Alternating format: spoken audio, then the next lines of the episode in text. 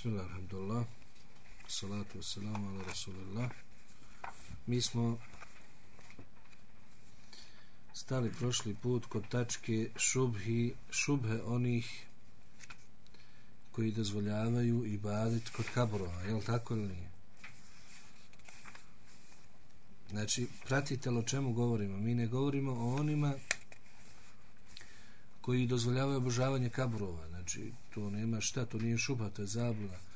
Ali ovdje govorimo o onima koji dozvoljavaju obožavati Allaha kod kaburova.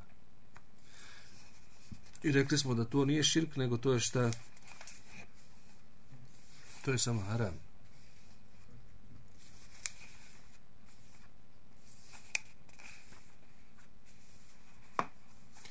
I mi smo kod četvrtog poglavlja ove naše ove knjige upozorenje klanjaču, a to su šubhe i odgovori na njih.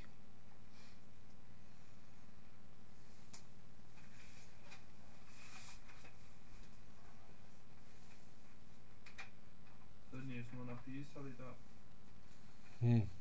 da vladar treba da sruši mjesta na kojima se čini taj širk. Dobro, to smo rekli za vladar, to, to je Bukajem spomenuo. Ja, to smo zadnje. Mm. Četvrti, četvrti, ja mislim da smo stali kod šubhi, rekli smo da ćemo šubhe raditi.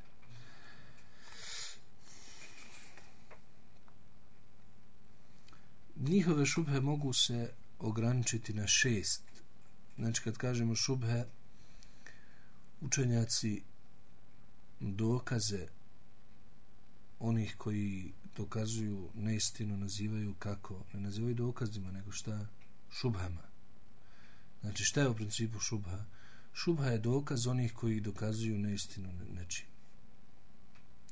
Pa tako da možeš reći recimo imati šest šubhi ili u zagradi šest dokaza, nije uopšte sporno. Prvi dokaz je ajeti sure Kehf pod brojem 21.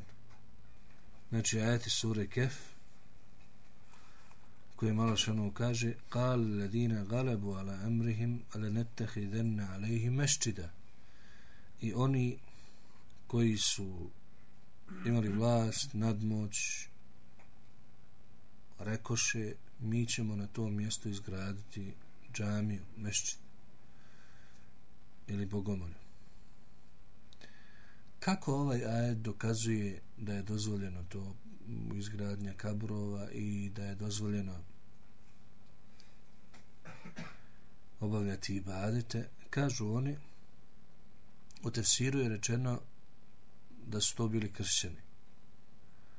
I iz ajeta se vidi da je to bilo dozvoljeno u njihovom šerijetu.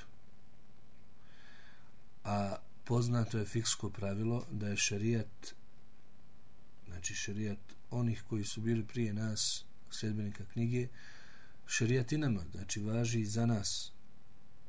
To je prvi kao dokaz i prva kao šupa. Ulema na prvi njihov, prvi njihov dokaz odgovorila je sa tri odgovora. Prvi odgovor je da to što su rekli da je šerijat onih prije nas, šarijat i nama, mišljenje koje je slabo u sululfiku.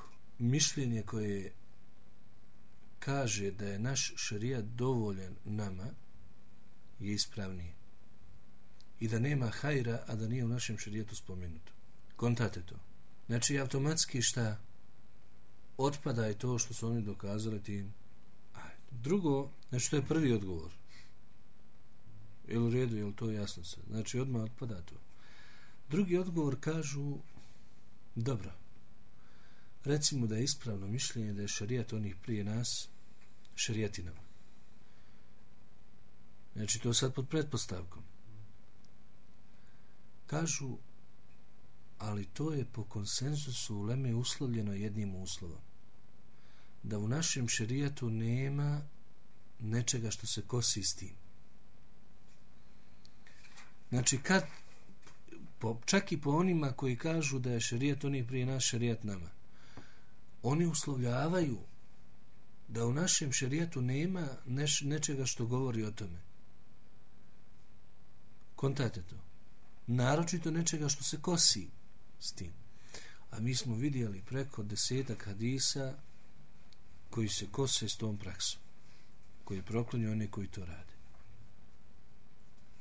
Znači je li to u redu? Čak i po tom mišljenju znači kod nas to nema. Znači i po tom mišljenju da kažemo šarijat prije nas šarijat je i nama. U redu, slažemo se, nema veze ali to je uslovljeno po konsenzusu Leme ako, da nema u našem širijetu nešto što se kosi s tim u ovom slučaju mi smo našli preko dvadesetak i više hadisa koji kose se s tom praksom. Prema tome ne može se to uzeti kao argument.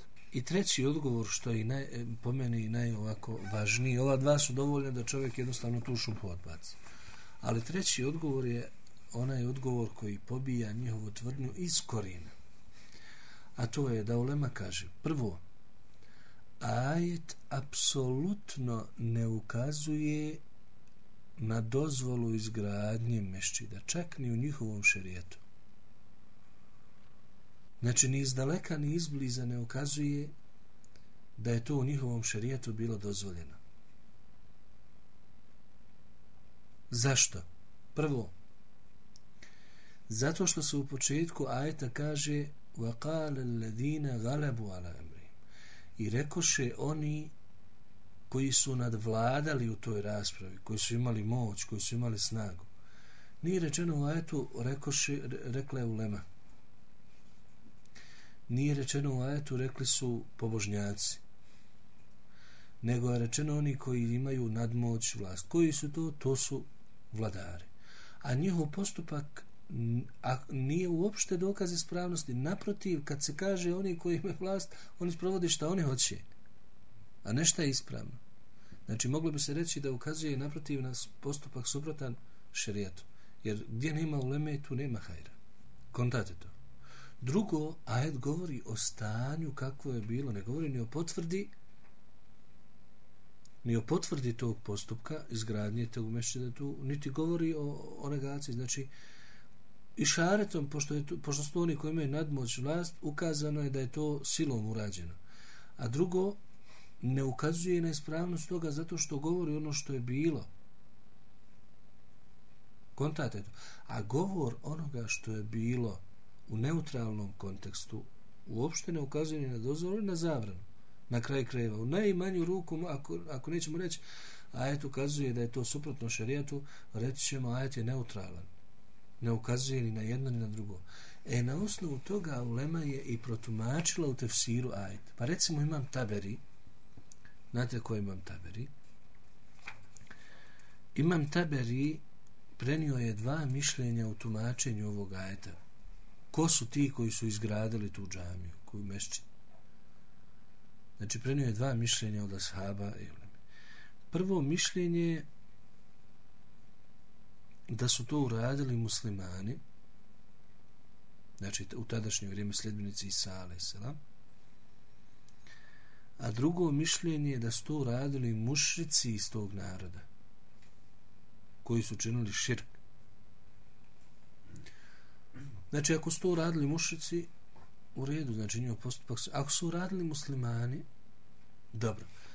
Recimo da je to pretpostavka bila da su to radili muslimani da li je to taj njihov postupak bio pohvalan ili ne rekli smo da ajet šta ne ukazuje na to ali zato naš hadis ili naši hadisi ukazuje da su oni to uradili bespravno, nasilo i pokuđeno.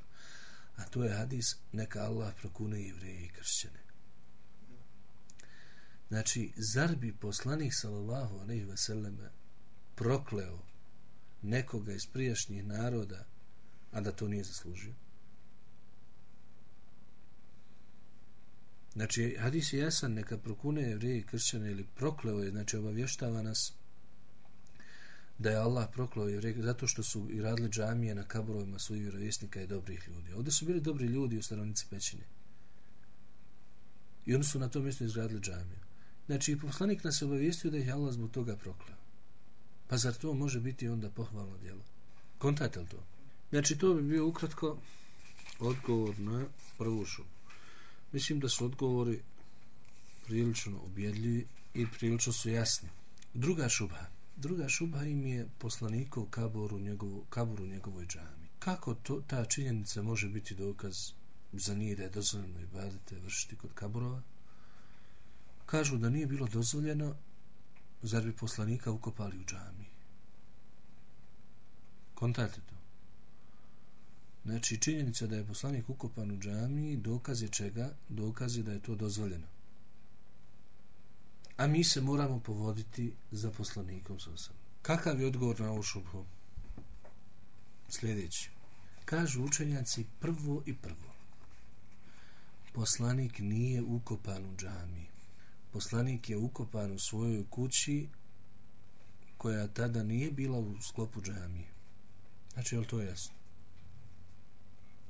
Nije poslanik se ukupan u džami. Poslanik je ukupan u svojoj kući. A džamija je bila pored njegove kući. I ovo treba znati. U vrijeme ashaba i učenih tabina nije džamija proširivana na stranu poslanikove kući. Omer je širio džamiju i nije htio ubacivati kabor u džamiju, nego je širio na druge strane. A taj dio gdje je kuća i poslanikov kabor nije htio ubacivati u džamiju. I ashabi su na kraj krajeva poslanika ukopali u kući da ne bi ko izgradio kakvu bogomolju, a kamoli da oni to ostavljaju. Međutim, kada su ashabi izumrli, 88. hijđarske godine, Velid El Velid ibn Abdul Melik naredio je da se poslanikova tadašnja džamija sruši, potom da se prošire temelji i da se dotad su sve poslanikove kuće, znači sobe njegovih žena, bile vidljive uz džamijski zid. E tada je on 88. iđeske godine znači naredio da se džamija u potpunosti sruši, napravi se novi širi temelji i da se sobe poslanikovi supruga ubace, sruše i stave u sklop džamije. Znači da se proširi na sve strane. I tako tim postupkom je išina soba u kojoj je poslanikov kabur našla se u sklopu šta džamije. I kako kao što navodi u istoriji Ibn Đerira i istoriji Ibn Kesira, te godine ili u to vrijeme, jer godina čak, kako kažu, nije baš ono potvrđena po, po, po načinu muhadisa, po, po njihovim nekakvim metodama, tim senedom, ali spominje se ta 88. godina, znači oko toga je bilo. U to vrijeme poznato je u historijskim dijelima da ni jedan ashab nije bio u Medini. Neki tvrde da je bilo u to vremenu, u vrijeme ashaba i slično, međutim, ni jedan hadijski, istorijski izvor ne potvrđuje boravak ashaba, iako su u to vrijeme bili malobrojni i to mlađi ashabi, svi stariji ashabi, nosioci islama su šta već preselili bili. Znači oni mlađi ashabi kao što je Abdullah ibn Abbas, Abdullah ibn Omar, znači oni su to ali je potvrđeno, odnosno time što nije utvrđeno da apsolutno i jedan od njih bio je u Medini. Znači nije utvrđeno da je bio u Medini e, bez obzira što spominju neki. Zato nam Muhammed ibn Abdul Hadi poznati Hafiz Hadisa kaže nam u svom dijelu Asarimul Munki na 136. strani a išina soba ušla je u sklop džamije dok kad je halifa bio Al-Walid ibn Abdul Melik. I to se dogodilo nakon smrti većine ashaba koji su bili u Medini, a posljednji koji je umro bio je Džabir ibn Abdullah. Umro je 78. hijđarske godine. A mi smo rekli da je džamija izgrađena znači 10 godina nakon njegove smrti. A on je posljednji koji je umro u Medini. Znači kad se je to desilo? nakon znači smrti Asaba tako da taj postupak ne može biti prije svega nikakav šerijatski dokaz. Kontate to. Čak ni postupak ashaba nije šerijatski dokaz po ispravnom mišljenju, nego kod uleme to se uzima kao ako nema neke fetve ili nema hadisa, nema ajta, onda se fetva ashaba uzima prečaje da se uzme fetva ashaba nego fetva drugih. Međutim, o ovom pitanju čak ni toga nema, prema tome ne može se to uzeti ni za kakav šerijatski. Zbog toga, kažu učenjaci, i bilo je u to vrijeme uleme koja se je bunila protiv tog postupka, i koja je rekla da to nije dozvoljeno raditi. Znači, nije to prošlo onako glatko da je to bio konsenzus, pa su sad svi se složili. Znači, Ulema je ustala, rekla da to nije, ali nažalost, halife su uradile što su uradile, oni su imali moć i vlast i tako dalje. Znači, nema nikakve sumnje da su oni reagovali. Jedan od e, možda najpoznatiji u to vrijeme koji je bio u Medini Sejid ibn Musejeb, koji, se, koji je po mnogima jedan od najučenijih, najvećih tabijina, znači, bio je od onih koji su reagovali na taj postupak. Međutim, iako je to urađeno što je urađeno, kažu učenjaci, među njima imam nevevi u muslimovom komentaru, pokušaj je bio da se poslanikov kabor izoluje tako da ne bude dio džamije. Znači, šta, su, šta, šta, je bio, šta, šta je bio cilj? Znači, cilj je bio, znači, u redu, kabur, kabur je unešen u džamiju. Ali hajmo ga pokušati nekako dijelom džamije koji neće biti sastavni dio na kome se klanja. Recimo isto kad uđete u, u džamiju, pa imate abdestanu. I znači da to je odvojeno, možete to, to uklanjati se, nije to dio džamije, nego se uđe tamo.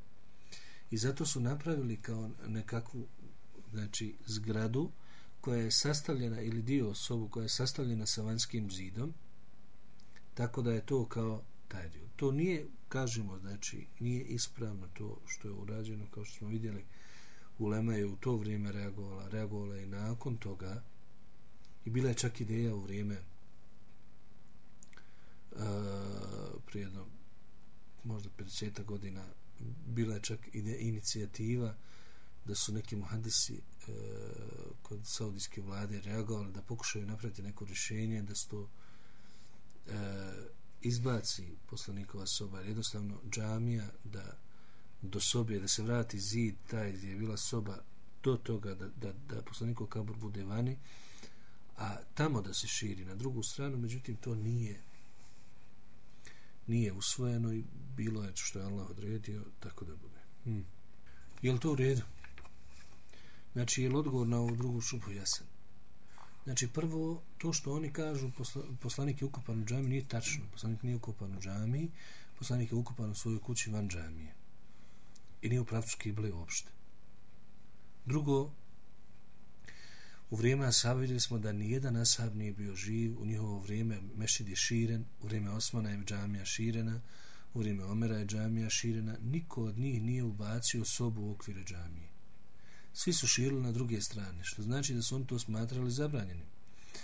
E, drugo, znači kad se dogodilo to što se dogodilo 88. godine, vidjeli smo da je zadnji ashab umro 78. 10 godina prije tog postupka, nek bude manje ili više, nije bitno, uglavnom, uh, umro, je, um, umro je posljednji asa prije tog postupka u Medini.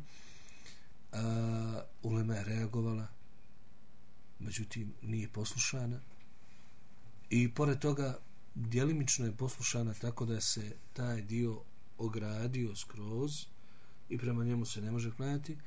I dan danas kad dođe tamo stoji policija, policija koja ne da klanjati prema kaboru. Znači rastjeruje klanjače koji bi se okretali eventualno prema kaboru Sufije ili Šije ili te ostale. uh, koji dolaze tamo i rastjeruje ljude da se ne mogu okretati tu i dola činiti dove i tako dalje. Treća šubha kažu da je poslanik se nam klanio u džami u mjestu Al-Hajf u jedno mjesto Al-Hajf gdje se prolazi prilikom obreda hađa i poslanik se nam je klanio u toj džami u tom mešćidu a postoji predaja da je u toj džamiji zakopano 70 poslanika. Odnosno vjerovjesnika. Znači u toj džami El Hajf Hajf Znači o čemu se radi? U toj džamiji zakopano je 70 vjerovjesnika. poslije selim kada je bio na hađu, klanio je u toj džamiji Pa šta je problem onda da mi klanjamo? Kažemo problem je u sljedećem. Prvo, kažu učenjaci, nema sumnje u potvrđenim rivajetima da je poslanselem klanio namaz u toj džami. Ali, da je u njoj ukopano 70 vjerovjesnika, To nije tačno. A kažemo da nije tačno iz dva razloga. Prvo, hadis koji govori o tome apsolutno nije vjerodostojan. A naj najveći dokaz da nije vjerodostojan je to što nije spomenut taj hadis ni u jednoj zbirci koja i ole nešto znači kod muslimana. Niti se prenosi od bilo koga od uleme da je rekao da je taj hadis vjerodostojan ili dobar. Čak ni usmeno, ni pismeno. Zain, on govori sad ovdje naime, kako to hadis nije slab, koga je spomenuo, pa spominje recimo Tabaranija u tom dijelu zašto je hadis slab i tako dalje, pa između ostalo kaže da je sujuti za, za hadis rekao da je slab, iako je sujuti sufija u akajdu i badetu. I kaže nam ovdje šejh da ispravna verzija ovog hadisa glasi klanjalo je u njemu 70 vjerovjesnika, a ne ukopano u njemu.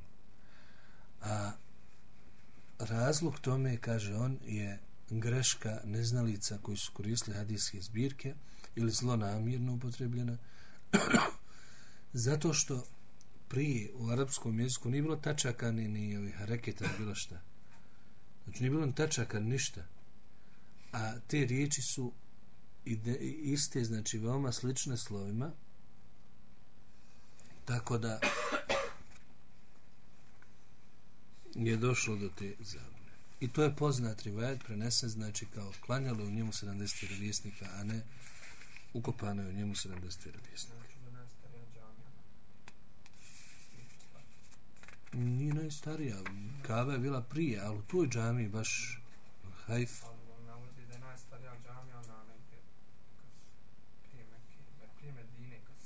Kuba? Nije ona najstarija ona je u Medini najstarija to je u Medini najstarija ali ovo je vamo inače govori se o svemu je li u redu za ovu šubu hmm. Četvrta šubha, da završimo ove šube na brzinu pa idemo. Četvrta šubha, kažu u nekim knjigama je preneseno da je Ismailov kabur u neizgrađenom dijelu Kabe. Znači, kad kažu da je Ismail ukopan u neizgrađenom dijelu Kabe, mi kažemo dajte nam dokaz nekakav. Je li tako ili nije? Dajte nam nekakav dokaz, brate. A to što se spominje u knjigama, u knjigama se spominje svako ješta, svakakve nekakve stvari, da se čovjek ne može ni načuditi. Znači, to što postoji negdje u nekakvim čitabima, to uopšte nije.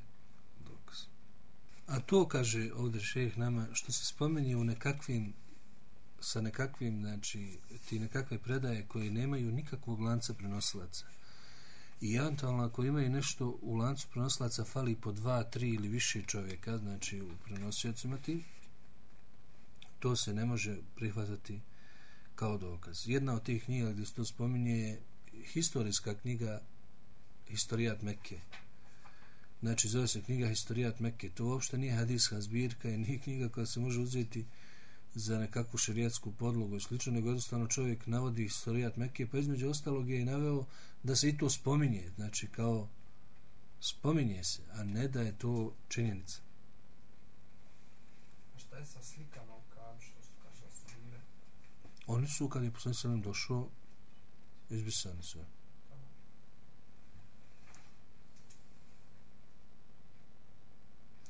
Drugo, kaže še, šeh nama ovdje, ta šubha za, za Ismailov kabur. Kaže, čak, hajde kažemo, nema veze. Postoji. Ali taj kabur se danas ne vidi. Za taj kabur se danas ne zna gdje je. Isto kao kad mi sad došli na neku livadu i klanjamo namaz, ne znamo, a to možda neko ukopa nekad umro. Kontaš to? Znači, opet i u tom slučaju ne može vam poslušati kao dokaz da, da možete klanjati prema kaburu koji je vidljiv. Jer cilj je da ti klanjaš prema nečemu, a da znaš da je to to i okrećeš se prema njemu. A ovdje ljudi ne znaju da je to, čak i da se to dogodilo, da je ukopano to, u tom neizgrađenom dijelu Kabe, to se više, to više danas nebitna činjenica je to niko niti zna, niti prati, niti to vidi. Kontate to. Ali kažemo, nije potvrđeno uopšte. Peta šubha. Preneseno je u dijelu Al-Istiab od Ibn Abdul Barra. Istiab je dijelo koji govori o biografijama sahaba. Da je ashab Ebu Džendel izgradio meščid na kaburu Ebu Basira. Ebu Basir, ko je bio Ebu Basir? Date da je posle selam šeste hiđarske godine potpisao primirje sa mušicima na Hudejbiji. I između ostalog u, to, u tačkama tog primirja bilo je da ako neko od mušrika prihvati islam i dođe poslaniku, poslanik ga mora vratiti i izručiti. A ako neko od muslimana vrati se mušicima, ne mora ga vratiti. Poslanik je pristao na to. I bio jedan čovjek koji se zove Ebu Basir. Ebu Basir, čovjek je primio islam, došao u Medinu, kod poslanika sa selem traži zašto i onda su mušici došli da ga traže. Poslanik selem mu reče, mi nemamo drugog izbora nego da vratimo. I vratio ga. Izručio ga mušicima i rekao mu, možda će ti Allah dati neki izlaz. Kad je Ebu Basir bio na pola puta sa tim mušicima koji su ga vratili, on je njih savladao, zarobio ih i odmetno se. Znači, nije došao u Medinu. A kad su mušici ponovo došli u Medinu, poslanik im je rekao, mi u ugovoru imamo ko dođe meni, a on nije došao meni. Znači, ne odgovaram za njega, nije u mojoj nadležnosti uopšte. I on se odmetno živio u pustinji i presretao je mušičke karavane. Tako da su nakon određenog vremena mušici sami došli poslaniku i zamolili ga da ga prihvati kod sebe da mogu karavane s mirom prolaziti i tako da su, jer to je kasnije poslana skupina kad su ljudi čuli za ta izlaz, znači da ne moraju poslaniku ići, Otišli su svi Ebu Basiru iz Mekke. I onda kad je to postala skupina, to oni su presetali te karavane i mušici su došli poslaniku tražiti od njega da ga prihvati sebi, da, da, da, da pokuša to riješiti, da više ne presreće karavane. E, to je bio Ebu Basir. Kad je Ebu Basir umro, Ebu Džendel šta je uradio? Otišao je izgradio džamiju, na njegovom kaburu. Mešćinu. Pa da vidimo tu šubu. Šta je to, o čemu se radi? Kaže nam šejh ovdje, znači oni kažu da je to Ebu Džendel izgradio u vrijeme poslanikovog života. Kažu, kaže nam ovdje šejh, ta njihova šubha, ta njihov dokaz nije, nije dostojno da se spominje. I kaže da to nije da to nisu spomenuli neki novotari iz ovog vremena prenoseći je kao vjerodostojan hadis, ne bih to ni pošto ni spomenuo. Jer kaže, ne bi dozvolio sebi da napišem na listovima tako neku glupost. Znači, to kaže ko? A šehrba. Ali, pošto je spomenuta, znači, i neki uzme za dokaz od savremenika, kaže on, odgovaramo na tu šubhu sa dva aspekta. Prvo, ono što možete pretpostaviti, nije potvrđena vjerodostojnost toga. Znači, ne prihvatamo uopšte da se, ta, da se to dogodilo. Kaže nam ovdje šejih, taj, taj događaj, znači događaj, on spominje jednu bitku, koja je bio Ebu Basir, taj događaj je spomenuo Buhari, a nije spomenuto u Buharinom sahihu taj dio koji govori o izgradnji te džamije, što ukazuje šta na slabost toga. U svakom slučaju, znači, nije, nije potvrđeno. Drugo, drugi aspekt, kaže nam šeh, čak da pretpostavimo da je u redu da je potvrđeno. Ne može biti dokaz da se pogaze svi oni vjerodostojni hadisi koji govore o zabrani izgradnje džamija na tim zbog postupka ashaba, a mi znamo da postupak ashaba u osnovi nije šerijatski dokaz, naročito ako se kosi sa vjerodostojnim hadisima. Zar nije potvrđeno znači, zar nije potvrđeno da je bilo ashaba da su praktikovali mutha brak do Omerovog vremena? Ne može biti to dokaz dozvole muta brak. Zašto? Zato što do nije doprla zabrana. Zar nije potvrđeno da je recimo Abdullah ibn Abbas smatrao da postoji samo jedna vrsta kamate, a to je ono kad daš 100 maraka da uzmeš 150. On je ovu drugu vrstu kamate, a to je ta razlika u, u, u isto tim e, kamatnim robama, razlika u njima kod njega nije bila problematična. Recimo daš kilu hurmi slabih za, za, za pol kile dobrih, može, ne smeta. Znači, kod njega to nije bilo spod. Zato, zašto? Zato što nije dopro do njega hadis. Ali kad je čuo, nakon toga se je povratio. Prema tome, postupci ashaba, ako nisu u skladu sa, sa hadisima i sa šarijatom, šta? Odbijaju se, nema tu nikakve dvojbe. Ali kažemo, to i pod pretpostavkom da je tako, ali nije uopšte to što je potvrđeno rivajet koji je Ibn Abdulber spomenuo i to da se spominje. Ibn Abdulber je veliki alim i on to nije spomenuo kao da on to vjeruje u to da se dogodilo, nego kaže on, spominje se čudna priča.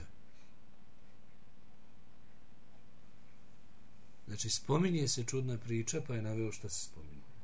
Znači, nije on to rekao, to je tako bilo, nego spominje se. Šesta šubha, Šesta šubha, šubha kažu zabrana uzimanja kaburova za mešćide propisana je zbog bojazni smutnije kaburovima. Znači još kao tevhid nije bio duboko u srcima sahaba i poslanik sa seleme je želio da ukloni sve što bi eventualno moglo naštetiti tom tevhidu pa između ostalog zabranio šta i to.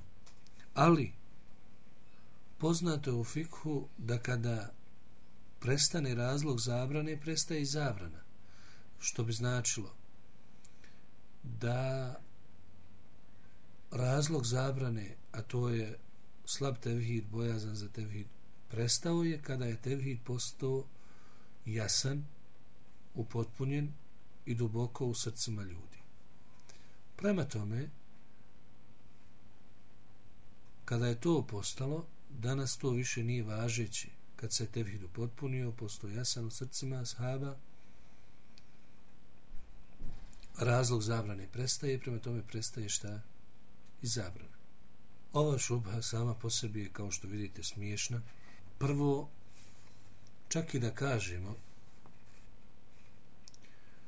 da, da je tevhid upotpunio sa srcima ashaba, šta je s nama? Mislim, šta je s nama? Hajde, dobro, asabi. Čak i po, po njegovom tom, po tom rezonu, znači, ti kažeš u redu, znači, kaburovi su zabranjeni zbog bojazni za tefid, dobro. A sahabi su potpuno tefid. A jesmo mi upotpunili svoj tefid. I kako znat kad je ko potpunio tefid? Zato šehr Albani kaže u odgovor na ovu šubhu, nije mi poznato da iko učen spomenuo ovu šubu. Znači čak i oni koji dozvoljavaju to na kaburom mjestu, oni spomenuli ovu šubu. Kaže, jedino sam vidio autora knjige oživljavanje kaburova, napisao čovjek knjigu oživljavanje kaburova.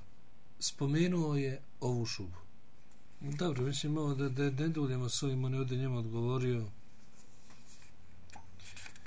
odgovorio, znači, sa, sa mnogim tim, ali mislim da je ovo ta glupost jasna. Hmm? Dobro, mislim ovo smo odradili, znači većinu ovog što, što je trebalo ovdje iz ove knjige. Tako da zadržat ćemo se na ovom. Allahu alem.